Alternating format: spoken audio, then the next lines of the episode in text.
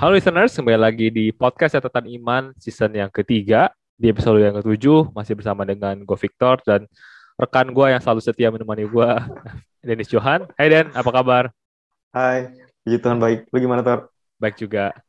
Oke, uh, hari ini kita mau ngebahas apa nih, Den? Hari ini kita akan ngebahas uh, Pentakosta ketiga dan Azusa Street lah ya. Oh, oke oke. Yang dikenal mungkin Pentakosta kedua. Oke oke ini ini ini ini sesuatu yang hmm. sebenarnya jarang didengar ya. Jarang hmm. orang tahu juga kayaknya ya mengenai jarang, Street dan juga mungkin Pentakosta ketiga mungkin lumayan sering digaungkan lah ya karena kan uh, eh, GB GB suka ya uh, mengatakan uh, Pentakosta ketiga. Nah, uh, nah kita kita mau bahas apa Den mengenai kedua hal itu? Nah, yang pertama nih, yang uh, kalau Azusa Street dan Pentakosta ketiga kan uh, ini ngomongin soal karismatik ya, banyak kan nih penganut-penganut gereja karismatik ini yang percaya penuh dengan Azusa Street maupun Pentakosta ketiga dan Azusa Street kenapa dia nggak tren di Indonesia karena memang itu bukan di Indonesia, itu udah terjadi dari bahkan udah mungkin udah mau 100 tahun ya dari jam dari 1900-an lah ya, awal-awal 1920 30-an lah. Itu dari itu ada di Amerika Serikat sih. Maksudnya jadi uh, mungkin nggak terlalu ngetren ke yeah, kita. Yeah. Nah, cuman sebelum kita mulai, yang lu tahu tentang Azusa Street apa? Lu pernah denger nggak tentang Azusa Street ataupun apa yang lu tahu? Uh, sebenarnya gue sebagai jemaat Kristen dulu ya, maksudnya jemaat yang cuma ngikutin sekolah apa minggu nah. seminggu ibadah nggak nah. tahu sih. Padahal tapi setelah gue akhirnya terjun ke apologetika, gue mulai belajar-belajar baru tahu sih. Ternyata itu hmm. udah suatu kejadian yang cukup besar ya di kekristenan. Dan uh-huh. sebenarnya mungkin menarik sih, padahal uh, di Indonesia sendiri gue melihat kan sebenarnya aliran paling besar aliran karismatik ya Pentakosta karismatik kan paling besar ya hmm. GBI GBI ah. kan juga paling banyak cabangnya cuman hmm. lucu kalau mereka lucu cuman yang kayak kejadian Azusa Street ini nggak pada nggak tahu gitu hmm. karena Azusa Street sendiri adalah kejadian yang lu bilang tadi sering disebut sebagai oleh para penganut aliran Pentakosta ataupun karismatik hmm. sebagai Pentakosta kedua di mana hmm. terjadi di Los Angeles di jalan namanya Azusa makanya disebut Azusa Street hmm itu hmm. pada tahun 1906 sampai kuasa hmm. berlangsung lima eh sampai 1915 lah masalah hmm. itu terjadi di sana di mana waktu itu dipimpin oleh namanya William J. Seymour itu dia memimpin ibadah di situ dan dibilangnya di situ sih ada kayak kebangkitan rohani yang luar biasa ya. Hmm. Uh, gue sempat baca-baca artikelnya, dibilangnya bahwa ada atmosfer yang surgawi di sana, bahwa uh, hampir semua orang yang datang ke sana dari ikut ibadah tuh semuanya bisa berbahasa roh gitu. Uh, hmm. Karena kan karismatik kan itu ya, karismatik kan sangat-sangat yeah. Iya. uh, berpusat pada karunia roh, terutama bahasa roh. Jadi hmm. pas di Azusa Street itu katanya terjadi uh, semua orang terima roh kudus, terjadi baptisan roh, terjadi juga kesembuhan, kese uh, hmm. kesembuhan dan pokoknya banyak hal lah, banyak hal-hal ataupun elemen-elemen yang kita temui dalam uh, gereja karismatik hmm. sekarang sih. Jadi itu uh, sempat jadi heboh juga, sempat jadi pemberitaan dunia dan akhirnya uh, di situ sih uh, apa yang menjadi titik mula juga sebagai gerakan Pentakosta modern lah gitu bahwa semenjak situ uh, Pentakosta ataupun karismatik ini benar berkembang dengan begitu cepat sih itu yang gue tahu hmm. sih. Wow, itu yang lu tahu udah bener sih Tor. Maksudnya memang itu Azusa Street itu uh, sebenarnya awalnya adalah oleh preacher jalanan lah ya. Maksudnya hmm. dia memulai gerakan revival tersebut yeah. dan dia memulainya sebenarnya udah dimulai dengan karis karism. Maksudnya jadi karisma itu kan karism karism. Maksudnya gift lah ya karunia yeah. roh. Jadi udah dimulai dari karunia roh di mana uh, dia tuh memiliki karunia banyak banget dikatakan orang yang dia di, di Azusa Street itu mengalami karunia healing, penyembuhan. Yeah Kemudian ada miracles. Miracles ini ketika gue ngomong miracles ini berbeda dengan healing. Bedanya adalah kalau healing, contohnya lu kusta, uh, kusta lu berhenti. Kalau miracles, jari lu tumbuh. Nah itu itulah yang terjadi di Azusa Street. Jadi yeah. begitu maksudnya powerful ketika di mana banyak banget uh, verified healing yang dikatakan di situ ya. Kemudian banyak banget word of knowledge. Word of knowledge itu dia uh, preacher memperkatakan misalnya uh, gue gue uh, gue mendengar Tuhan berkata namanya ini apa alamatnya di sini segala macam Tuhan bilang ini. Jadi ini udah uh, seperti nabi perjanjian lama hanya aja bedanya itu sebenarnya word of knowledge itu bukannya bukannya profesi ya, tapi yeah. itu word of knowledge dia mengetahui apa yang lu lakukan kemarin, tahun lalu bahkan ketika lu kecil uh, lu pernah punya uh, hal ini nih yang bikin lu depresi segala macam akhirnya itulah yang membangkitkan mereka akhirnya hmm. nggak hmm. bisa nggak percaya ketika lu datang ke situ dan ada orang yang mengetahui luar biasa banget dipanggil satu-satu dan benar uh, dikatakan ada cloud sih dikatakan bukan cuma atmosfer tapi benar-benar literally ada cloud. Jadi benar-benar yang kalau kita lihat di perjanjian lama ah kan apa oleh tiang awan ketika hmm. siang tuh eh, Israel dikatakan di Azusa Street juga ada tiang awan tersebut. Jadi turun.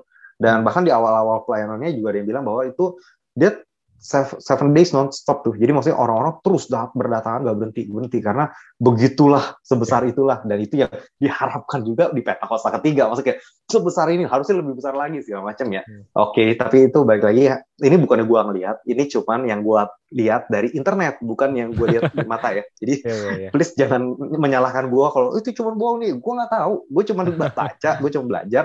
Gue nggak ada di situ gitu. Jadi betul, betul. itu yang gue informasikan kepada kalian ya. Terserah kalian mau percaya atau enggak. Oke. Nah pertanyaan kedua nih Tom.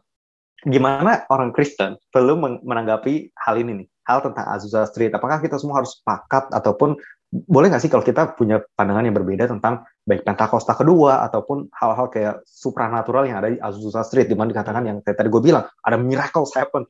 Cloud ini cloud ini agak stretching out of hmm. our faith ya. Jadi ketika ngomong oke okay, miracles God can do miracles, ketika ngomong ada atmosfer, atmosfer oke okay, atmosfer. Ketika ada cloud turun, maksudnya ini kan agak stretch out ya. Maksudnya ketika ini kayak kita ngebayangin kita hidup di di zaman perjanjian lama ada ada awan gitu di atas kita. Hmm. Ini kan agak stretching out gitu. Maksudnya tuh boleh nggak sih terutama untuk mungkin lu kan apologetik nih biasa apologetik kan akan akan mulai skeptis ya maksudnya really cloud mungkin nah gimana pendapat lu menanggapi hal kayak gini ya gimana sih orang Kristen harusnya menanggapi oke okay, uh, eh, kalau buat gue sendiri ya pertama hmm. ini pendapat pendapat pribadi gue sih pertama gue gak mau menghakimi ya karena gue setuju sama uh -huh. lu bahwa uh, eh, gue gak bisa menghakimi hakimi karena gue gak ada di sana kecuali kalau gue menghadiri -huh. di sana gue tahu atmosfernya gue melihat hmm. langsung mungkin gue bisa berpendapat hmm ini gue juga cuma baca artikel karena ini kejadian kan 1906 gitu. Itu udah lama sekali. Hmm.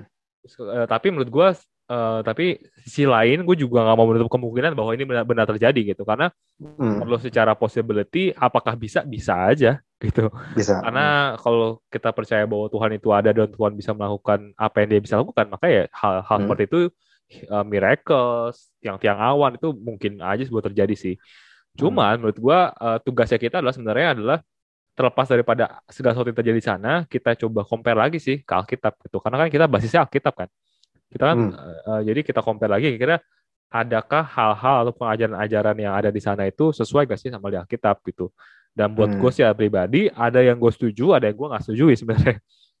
Uh, satu hmm. hal yang gue setuju adalah bahwa uh, kuasa Tuhan masih ada dan kuasa Tuhan masih yeah. bekerja.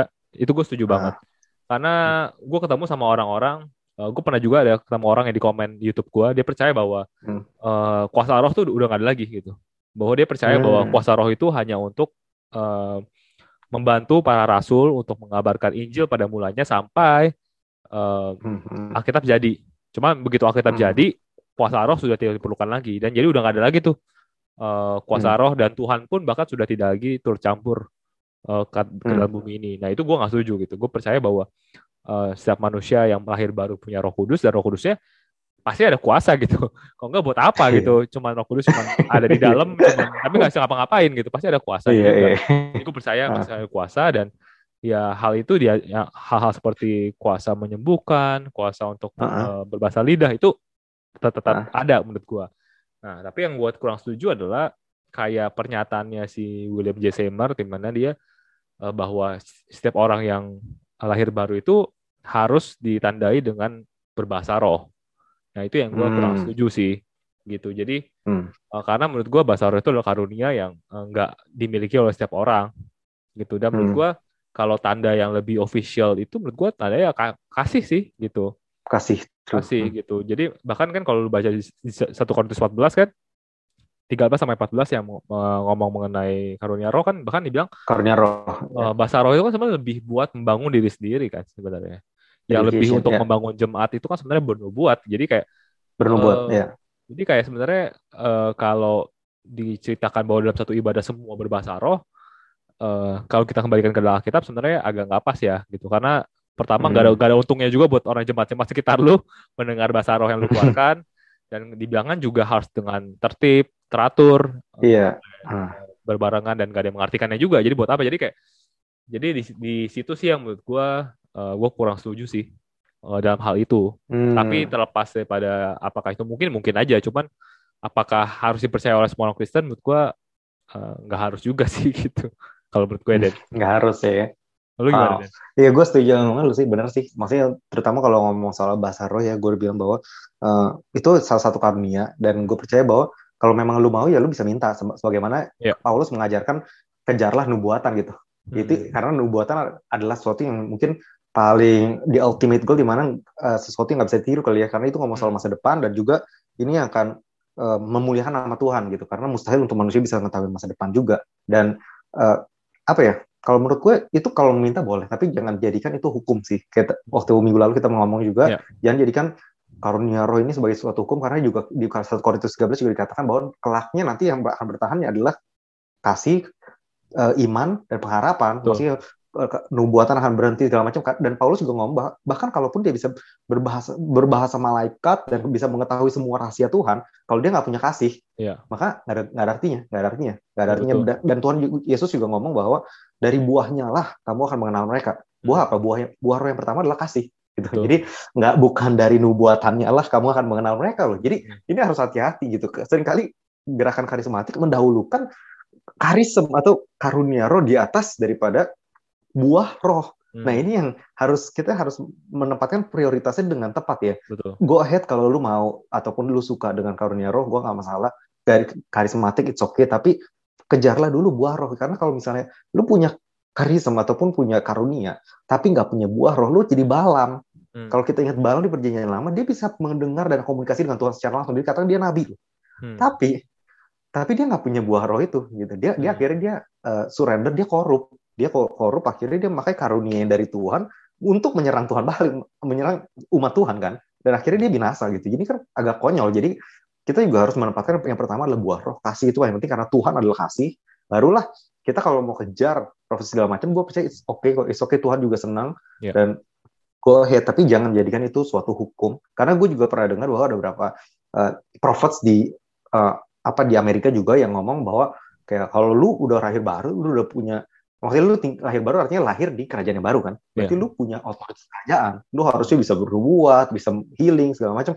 Ini yang gue takutkan adalah lu menaruh yoke ataupun beban yang sebenarnya kalau kita lihat dari kata aslinya, chrism itu adalah grace gift, itu adalah kasih karunia, bukannya sesuatu yang lu dapatkan loh. Maksudnya lu it's grace gift itu dari Tuhan yang memberikan kasih karunia kepada kita bukan dari kita yang berusaha narik hmm. Tuhan gitu. Maksudnya ini ada sesuatu yang berbeda. Karena kalau kita narik ini berarti by works dong. Berarti kalau gue puasa satu tahun gue dapat nah ini kan beda. Ini beda konsepnya ini beda konsep. Jadi itu jadi bakti. Itu sampai dharma itu kalau ada di Hindu. Buddha itu yang maksudnya kita puasa segala macam bakti kita ke titik di mana kita bisa narik suatu anugerah. Hmm. Nah anugerah yang Kristen punya itu bukan kita tarik tapi Tuhan yang kita minta dan dengan kasih karunia-Nya dia akan menurunkan kepada kita hmm. bukan dari works-nya kita itu sih yang kita harus ingat ya betul jadi betul. benar banget Azusa Street boleh dipercaya boleh enggak uh, itu menurut gue tidak tidak punya otoritas sebesar otoritas Alkitab dan kalau bahasa roh segala macam itu juga karunia dan tidak pernah karunia itu berada di atas buah roh ini yang kita harus ingat ya oke pertanyaan selanjutnya Dr. gimana dengan pandangan gereja yang menantikan Pentakosta ketiga nih. Mungkin ada beberapa gereja yang cukup terkenal, terutama di tahun 2020 ngomong soal Pentakosta ketiga dan kita nggak akan nyebut nama gerejanya, tapi mungkin itu juga cukup ngetren gitu. Hmm. Kalau menurut lu sendiri gimana? Gimana dengan pandangan gereja yang Pentakosta ketiga dia tungguin tungguin terus? Jadi sebenarnya Dan apa yang lu tahu tentang Pentakosta ketiga? Ya. Hmm. Nah mungkin yang gue tahu ya sebenarnya ini adalah suatu gerakan yang dipopulerkan sebenarnya oleh, oleh Paniko ya gitu. Jadi nggak sebutin juga. ya apa apa maksud gue karena karena sebenarnya ini ini ini tersedia di online kok di Google ada oh, gitu. Jadi uh, tapi bagian maksud gue gini, uh, ini jangan salah jangan salah artikan juga gitu. Karena kemarin itu ada yang komen hmm. dan di, di YouTube gue bilang kita mengkritik pendeta Kristen menjatuhkan ah. Kristen. No sama sekali enggak ya. Juga gue hmm. gue sama sekali nggak ada masalah dengan pendeta Niko pun. Jadi gue sama sekali nggak ada maksud apa pun negatif sama dia. Gue cuman yang kita yang hmm. kita kritisi adalah ajarannya sebenarnya. Apa yang disampaikan hmm. aja sih. Terlepas pribadinya, hmm. menurut gue nggak ada masalah dan menurut gue ya dia juga udah melakukan banyak hal baik dalam Kristenan. Jadi back again yeah. kita hanya mengkritisi beberapa statementnya yang yang menurut kita lumayan kontroversial aja gitu ya. Dan hmm. dalam hal hmm. ini eh, Pentakosta ketiga juga yang mencetuskan sebenarnya adalah uh, Paniko gitu. Bahwa pada awalnya pada tahun 2009 dia merasa hmm. bahwa Tuhan berkata sama dia bahwa akan adanya Pentakosta ketiga gitu, which is adalah adalah pencurahan roh yang dahsyat pada hari-hari terakhir di mana dia merasa itu Tuhan menyampaikannya itu melalui ayat di Yoel 2 ayat 28 sampai Oh 30 ya. gitu.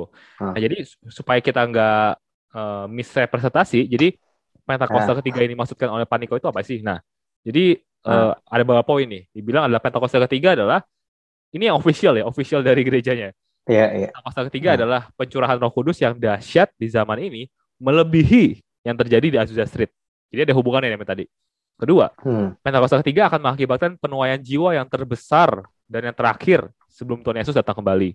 Terus dikatakan juga Pentakosta ketiga akan membangkitkan generasi Yerem- Yeremia, yaitu anak-anak muda yang dipenuhi Roh Kudus, cinta mati-matian kepada Tuhan Yesus, tidak Hmm. kompromi kepada dosa dan dan akan bergerak untuk memenangkan jiwa. Lalu eh, Pentakosta ketiga lahir di Indonesia dan bergerak ke bangsa-bangsa. Jadi gerakan ini kebalikannya. Jadi dari timur ke barat dan akan kembali ke. Yerusalem. Lalu terakhir Pentakosta ketiga akan memberikan kuasa untuk menyelesaikan amanat agung Tuhan Yesus dan setelah Hmm. itu Tuhan Yesus akan datang kembali. Jadi eh, ini sih yang gue tahu mengenai apakah itu Pentakosta ketiga ya. Dan buat teman-teman juga tahu itu apa. Gitu deh. Kalau menurut gimana? Dan? Yang yang lu tahu apa mengenai Oh. ini hal ini?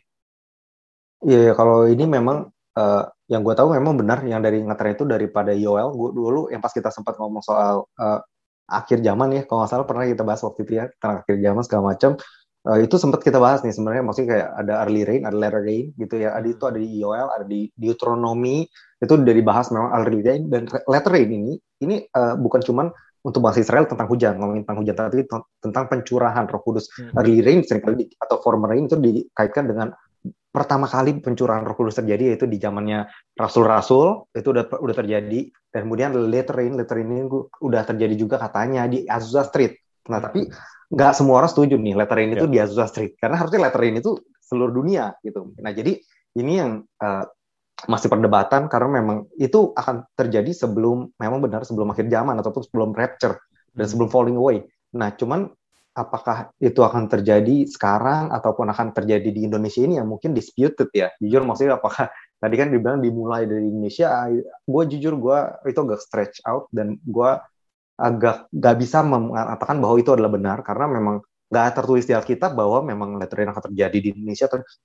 Itu cuma dalam bentuk tipologi. Masalahnya jadi kalau kita karismatik ataupun uh, orang-orang yang belajar uh, nubuatan, ini masalahnya kita kan belajar dari tipologi shadow and type ya. Maksudnya dari perjanjian lama. Itu kita tafsirkan bisa benar bisa salah. Hmm. Ini jadi based on revelation banget dan based on revelation banget kita boleh percaya, boleh gitu. Tapi uh, itu tidak memiliki apa ya otoritas sebesar daripada apa ya, apa Alkitab itu sendiri di sini dan kalau itu tidak terjadi maka tidak membuat Alkitab ini mubazir itu sih yang gua gua harap kita tahu ya jadi kalaupun ternyata Pentakosta ketiga nggak pernah ada atau nggak di Indonesia atau mungkin salah mungkin lettering itu akan terjadi. Maksudnya art- artinya ada ada pencurian the great harvest itu memang akan ada. Itu udah tertulis. Hmm. tapi apakah itu akan di Indonesia doang? Dimulai dari Indonesia?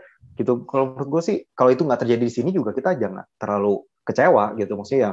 Karena ya mungkin pendeta, kita harus ingat juga bahwa pendeta ataupun itu kan hamba Tuhan. Hamba Tuhan ini masih manusia juga. Ya artinya gue percaya ya mungkin dia benar mendengar suara Tuhan tapi belum tentu semua yang dia omongin itu benar karena dia juga manusia kan dia bukan Ya, ya. Tuhan. Dan uh, oleh karena itu kita juga ketika mendengar apa pun yang orang ngomong terutama gue dengar Tuhan ngomong nah ini harus tetap kita harus tetap punya logika dan wisdom untuk tetap skeptis dengan apa yang dia katakan sih. Maksudnya nggak nggak menelan mentah-mentah lah gitu. Karena ya kita juga harus tahu bahkan the greatest man of God sekalipun juga dia bisa salah gitu. Karena dia tetap man dia belum jadi dia belum uh, jadi Tuhan ya. Dia udah fallen state juga. Itu sih kalau menurut gue cuman uh, ya memang itu semua ada lah. Ada di kalau lu mau baca itu ada di Zechariah ada di uh, Deuteronomy itu ngomong soal early rain early rain itu Yorek later rain itu Malkos. Dalam bahasa uh, Ibrani itu artinya adalah Malkos itu tujuannya adalah bring the harvest. Karena kan later rain later rain itu terjadi setelah autumn ya. Maksudnya yang pertama spring summer kemudian autumn itu later rain tujuannya adalah um, menyelesaikan the drought atau famine yang ada di summer kemudian dia bring the harvest. Itu tujuannya itu Malkos Malkos itu untuk harvest the great harvest. Makanya dikenal dengan great harvest. Tapi apakah Pentakosta ketiga itu akan terjadi? Dan Pentakosta kedua juga I don't know ya Azusa Street benar-benar later rain Pentakosta kedua. Gue nggak tahu it's a little bit stretch out tapi gue menurut gue ya boleh percaya gitu boleh percaya apa Pentakosta ketiga. Itu cuma istilah lah. Intinya adalah the great harvest aja udah. Kalau menurut gue jadi kita banyak istilah ya. Akhirnya kita jadi jadi negatif maksudnya kayak lu, lu dapet dari mana nih Pentakosta ketiga kan nggak ada di Alkitab gitu kenapa nggak ngomong aja the latter rain ataupun ngomong uh, the great harvest orang akan menurut gue semua gereja akan setuju kok. Hmm. Karena ini memang the great harvest itu harus terjadi ada tuayan besar-besaran. Oke okay, hmm. gitu, it's great. Maksudnya nggak ada yang salah. Tapi ketika lu ngomong Pentakosta ketiga, ini kan jadi jadi disputed kan. Jadi masalah lu dapat dari mana tuh Pentakosta ketiga? Nah itu sih hmm. dan kuasa Tuhan segala macam. Apa seperti apakah seperti itu nantinya?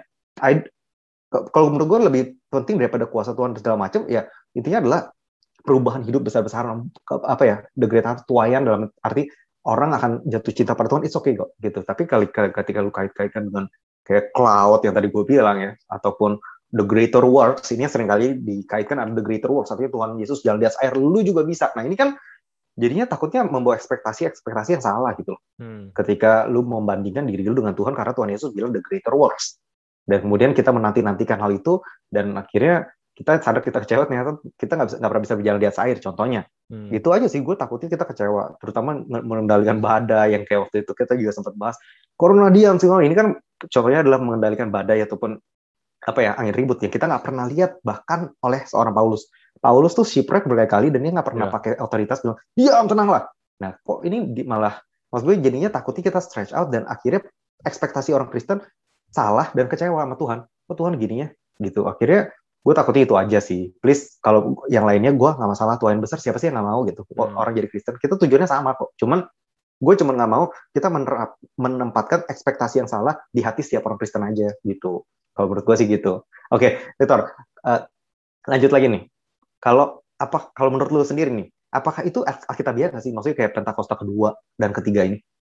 Itu Alkitabiah benar uh, menurut gue sih sebenarnya Enggak sih kalau di kalau kita ngomong secara langsung ya, direct sebenarnya enggak gitu karena iya. Uh, yang, yang kita bilang tadi Pentakosta kedua pun sebenarnya juga bukan kesepakatan teologis seluruh orang Kristen ya, tapi itu juga hmm. hanya hmm. klaim Pentakosta sebenarnya.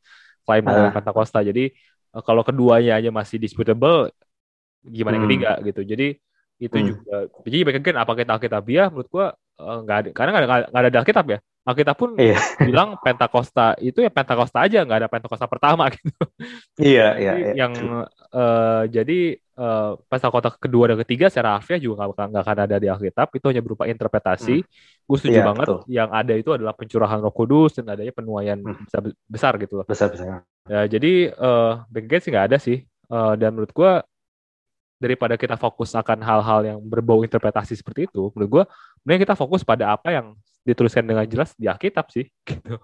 Di mana ya menurut gue daripada kita orang Kristen fokus sama hal itu, menurut gue fokus pada ya the Great Commandment sama the Great Commission. Karena Commission, itu aja, itu aja udah susah gitu. Maksudnya the Great Commandment adalah amanat agung, pergilah dan jadikanlah sumbang muridku dan baptis sampai ke dalam nama Bapa Putra Roh Kudus. Ada juga kan Great Commission kan, bahwa kasihlah Tuhan hmm. Alamu dan kasihlah juga sesamamu. Ini, ini aja udah nggak uh, gampang dijalanin kan? Maksud gue hmm. kita fokus sama hal-hal yang pasti ada di Alkitab daripada yang inter interpretasi menurut gue dan itu pertama sih.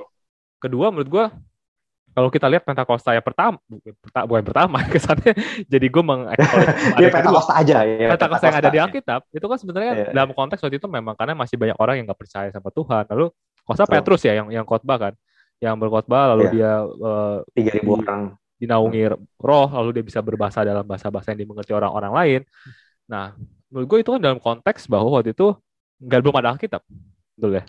Belum ada Alkitab konteksnya dan waktu itu emang kekristenan juga masih belum dipercaya oleh banyak orang gitu. Jadi hmm. hal itu uh, miraculously terjadi gitu untuk untuk mendukung hmm. penyebaran Injil ke, ke lebih luas lagi.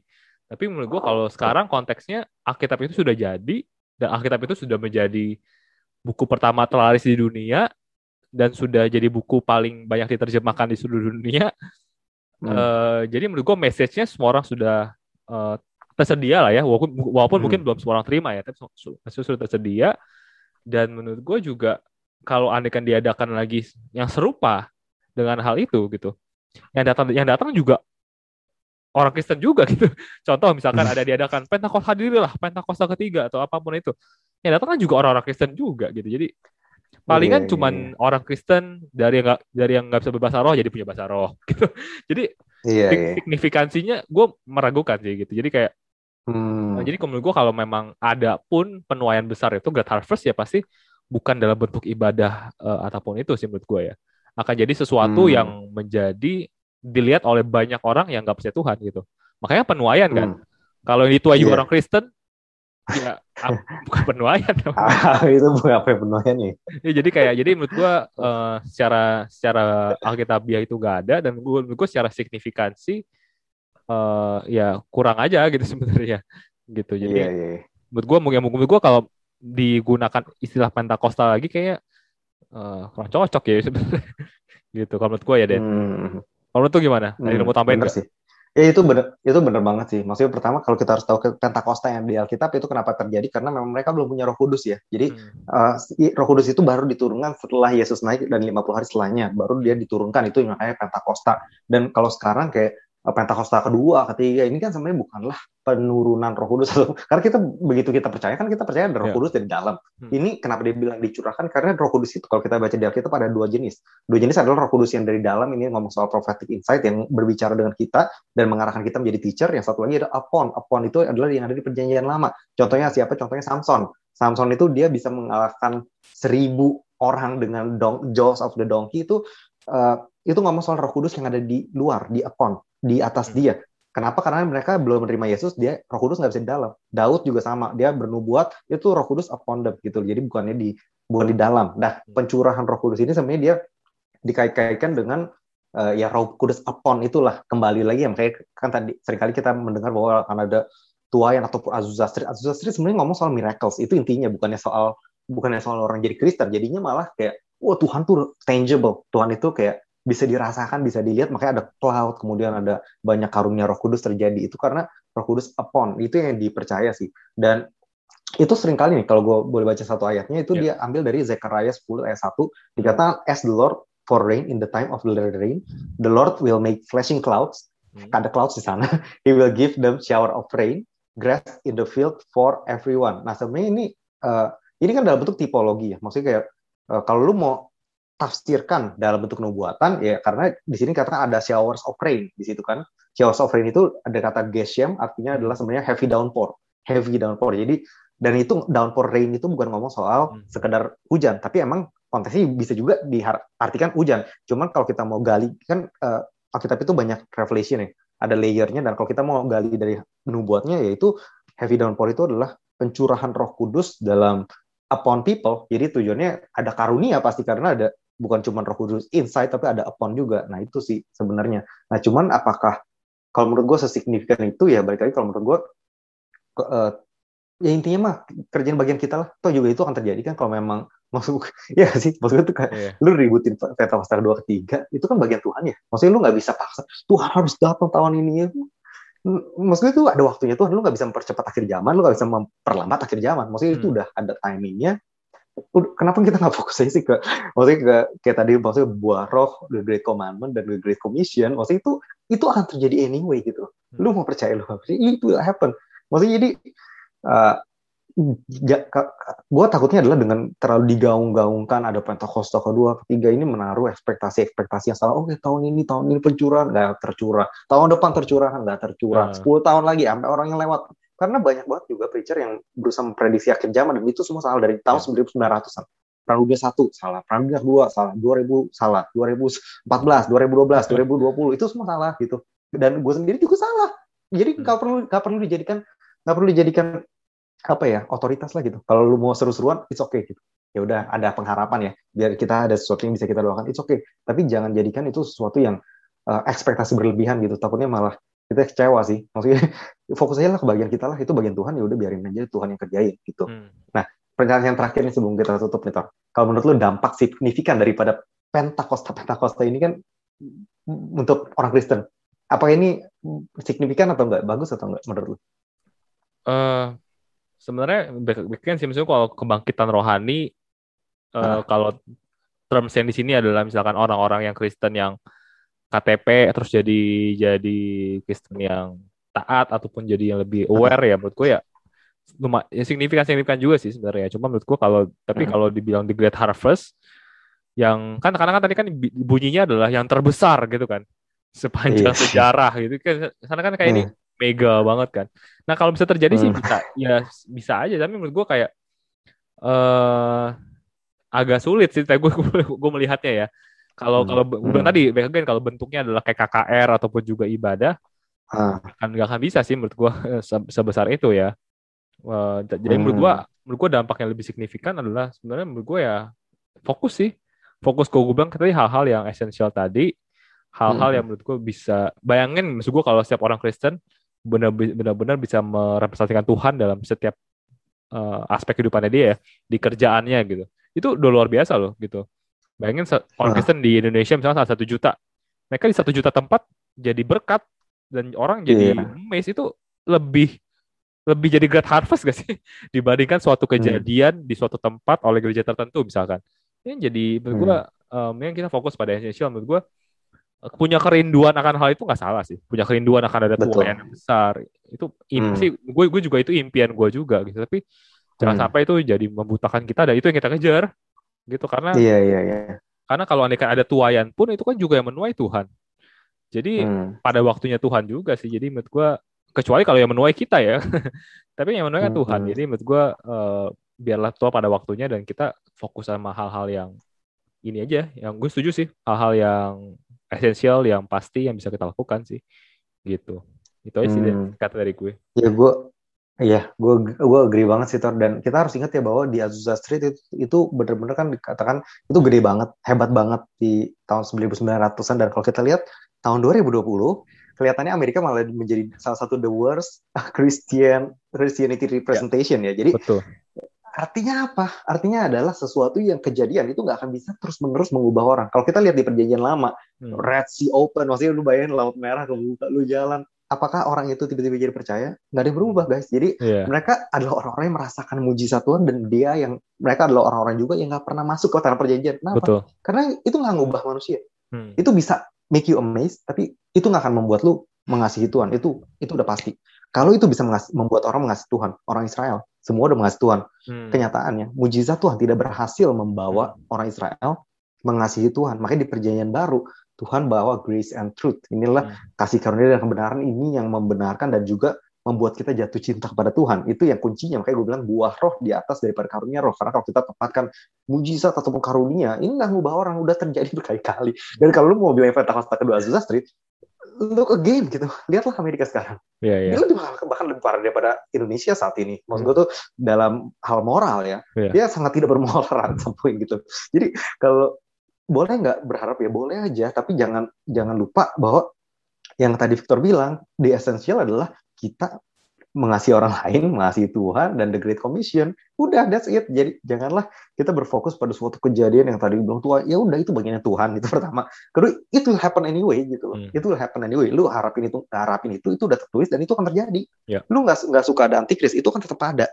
Ya, hmm. jadi maksudnya lu nggak suka, gue nggak percaya ini akhir zaman. Ya ini udah akhir zaman, lu nggak percaya nggak percaya. Kalau udah saatnya lu pergi, ya lu pergi juga. Maksud gue tuh hmm. itu nggak terlalu esensial untuk kita percaya atau nggak percaya karena lu buatnya itu pasti terjadi gitu. Hmm. Kalau lu suka, lu mau baca, lu mau go ahead itu bagian lu kan. Makanya kan kita denominasi tergantung lu sukanya di mana sebenarnya ketertarikan lu dan go ahead nggak masalah. Cuman jangan terlalu jangan sampai kita lupa lah, lupa yang esensial untuk hal-hal yang sebenarnya sesuatu yang pasti terjadi gitu sebenarnya. Hmm. Jadi itu aja sih mungkin pesan ya. yang terakhir yang bisa saya sampaikan ya. Mungkin ada dari lu ada mau tambahin lagi nggak tentang Pentakosta ataupun tuayan besar-besaran atau ini kan tuayan terakhir nih gitu, tuayan hmm. terakhir sebelum akhir, sebelum dunia berakhir, tuayan terakhir sebelum berakhir. Nah, ada yang lu pengen sampaikan lagi nggak? Enggak ada sih Den. Uh, paling kan itu dong paling terakhir disclaimer aja sih. Ini karena kan kita ah. dua, episode terakhir ini ada ah. ada membawa uh, pastor tertentu nih yang yang kita hmm. sebutkan kan sama dua episode terakhir. Jadi disclaimer aja kita kita sama sekali nggak ada nggak ada mau menjatuhkan dia ataupun juga ada rasa benci ataupun juga nggak suka sama hmm. dia sih benar-benar nggak ada sama sekali. Tapi memang karena pas aja pas aja kita mau bahas hmm. itu pas pas gue cari di YouTube dan di Google pun memang yang terkenal dalam mengajarkan hal ini adalah dia. Jadi uh, itu doang sih dan dan kita pun juga open for kritik gitu ya. Kalau memang hmm. pernyataan kita memang ada yang salah ya silakan aja gitu kita bisa diskusi sama-sama. Jadi itu doang sih disclaimernya. Jadi jangan jangan dipikir kita mau menghancurkan reputasi seseorang ataupun juga mau mau menjatuhkan seseorang. Bukan itu maksudnya sih. Justru kita sebenarnya mau membangun generasi Kristen yang uh, biblical lah istilahnya gitu.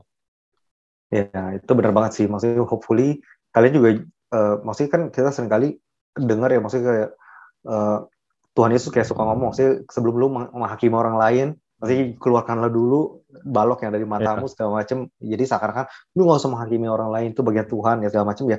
Masalahnya adalah kalau kita nggak tidak istilahnya tidak menjadi sesuatu gimana kalau pekerjaan lu adalah hakim? Itu pertama. Berarti lu nggak boleh menghakimi. Eh, kan ini juga jadi out of context kan. Sebenarnya kan adalah pertama kita judge ourselves dulu itu sebenarnya. Apakah kita melakukan hal yang sama atau enggak kalau kita melakukan hal yang sama kita nggak bisa kita nggak punya lagi landasan untuk menghakimi hmm. orang lain dengan uh, penghakiman yang jujur pasti. Karena kita juga salah gitu. Tapi kalau memang gue percaya tujuan kita pertama adalah untuk mengasihi orang tersebut dan juga untuk uh, untuk banyak orang sih. Terutama kalau kayak prosperity gospel ataupun ajaran-ajaran yang sesat gue nggak benci ke orang yang bawa uh, yang bawa pesan hmm. itu. Tapi gue mengasihi orang yang ngikutin dia karena dia hmm. salah. Kalau lihat beberapa hari ini ada yang ngetren adalah orang yang bawa ajaran sesat cowok suami bukan suami istri dia mandi bareng bersama dengan anak kecil. Apakah gue nggak boleh gitu? Nggak boleh. Eh lu salah gitu. Hmm. apakah kita harus diemin aja gue gue gue kita juga harus tahu bahwa dunia hancur sering kali bukan karena orang jahat tapi karena orang benar yang tidak bertindak hmm. ya nggak sih maksudnya karena yeah. lu tahu lu benar dan lu diem diem aja gitu dan kita harus punya rasa kasih kepada orang-orang yang mengikuti yang salah ini loh. Tujuannya adalah jadi tujuannya eh ini salah gitu. Bukannya kita benci sama dia, tapi kita mengasihi orang yang ini gitu. Dan kalau ngomong soal ajaran petakosta ini kan kita nggak benci sama sekali dan Betul. kita juga berharap hal yang sama. Hanya aja ini nggak di Alkitab itu aja. Mm -hmm. itu jangan, gue nggak bilang dia nabi palsu, gue nggak bilang dia preacher palsu. Ini nggak di Alkitab aja gitu. Pentakosta yeah, yeah. di Alkitab cuma sekali. Hmm. Udah, kalau dia mau debat dari yang tadi gue udah bilang, Yoel, makanya gue sebutin Zechariah, kemudian Deuteronomi, it's okay. Tapi itu kan tafsiran. Tafsiran hmm. itu bukan harafiah, bukan hmm. sesuatu yang Yesus ngomong ada pentakosta kedua, ketiga. Jadi it's disputed kayak tadi lu bilang. Jadi hmm. hopefully kalian ya. nggak yeah. salah ekspektasi bahwa itu kalau nggak terjadi ataupun belum terjadi saat ini, saat dekat, ya itu bukan pertama ya memang nggak ada di Alkitab gitu. Itu adalah hmm. suara Tuhan yang datang kepada salah satu pendeta. Hmm. Itu bisa benar, bisa salah. Jangan pernah dijadikan ini pasti benar, yeah. not always gitu. Jadi hmm. hopefully kita juga mengecek segala sesuatunya, mengetes segala sesuatunya dan juga nggak asal percayalah pada siapa pun termasuk pendeta yang kita hormati. Kita yeah, juga yeah. mau itu ngecek yang otoritas adalah daripada word of God. Itu aja sih. Betul. Mungkin kalau gitu kita tutup aja kalau udah cukup lama ya Tore. Bungkus bungkus. Uh, bungkus saja kalau gitu. uh, untuk teman-teman yang mau menyampaikan mungkin topik-topik baru, uh, bisa chatting langsung di Instagram kita catataniman.id atau di gua at dennis.johan atau di, di rekan gua di mana Tor? Lihat Victor Devia. Oke, kalau gitu kita tutup dulu sampai sini. Mudah-mudahan teman-teman uh, terberkati, uh, stay safe dan uh, see you and God bless.